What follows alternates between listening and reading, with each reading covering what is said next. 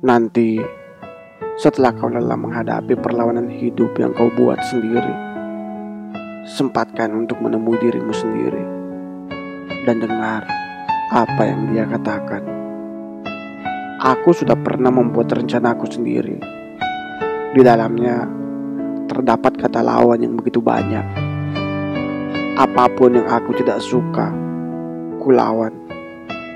Apa pun yang aku inginkan, aku akan persiapkan perlawanan untuk mendapatkannya.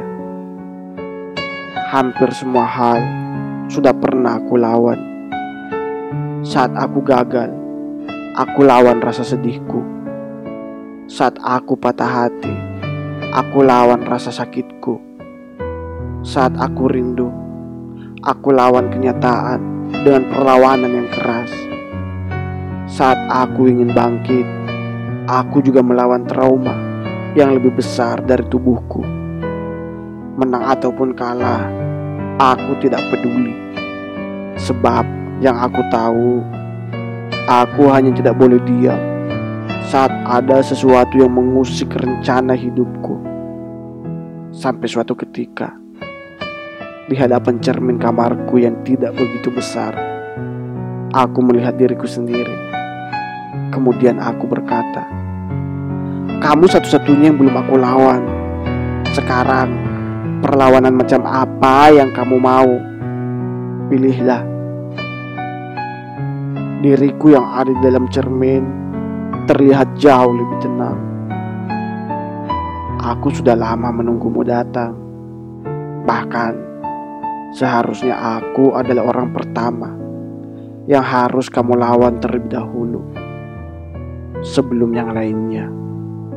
Tapi sudahlah, berhubung sekarang kamu menemuiku. Aku hanya ingin bilang bahwa pun tenagamu besar, ambisimu besar, harapanmu besar. Aku rasa tidak semua hal yang tidak kamu sukai harus kamu lawan. Tidak semua yang mencoba menghancurkan rencanamu juga harus kamu lawan. Ingat, sebesar apa pun tenaga dan ambisimu, pasti suatu saat akan habis. Dan justru semakin banyak hal yang kau lawan, semakin banyak pula luka-luka kecil yang menggerogotimu dari dalam. Maka dari itu, sesekali terimalah, pasrahlah, percaya hidup sudah ada yang mengatur. Dengan begitu, kau akan segera tahu ke mana arah rencana Tuhan akan membawamu.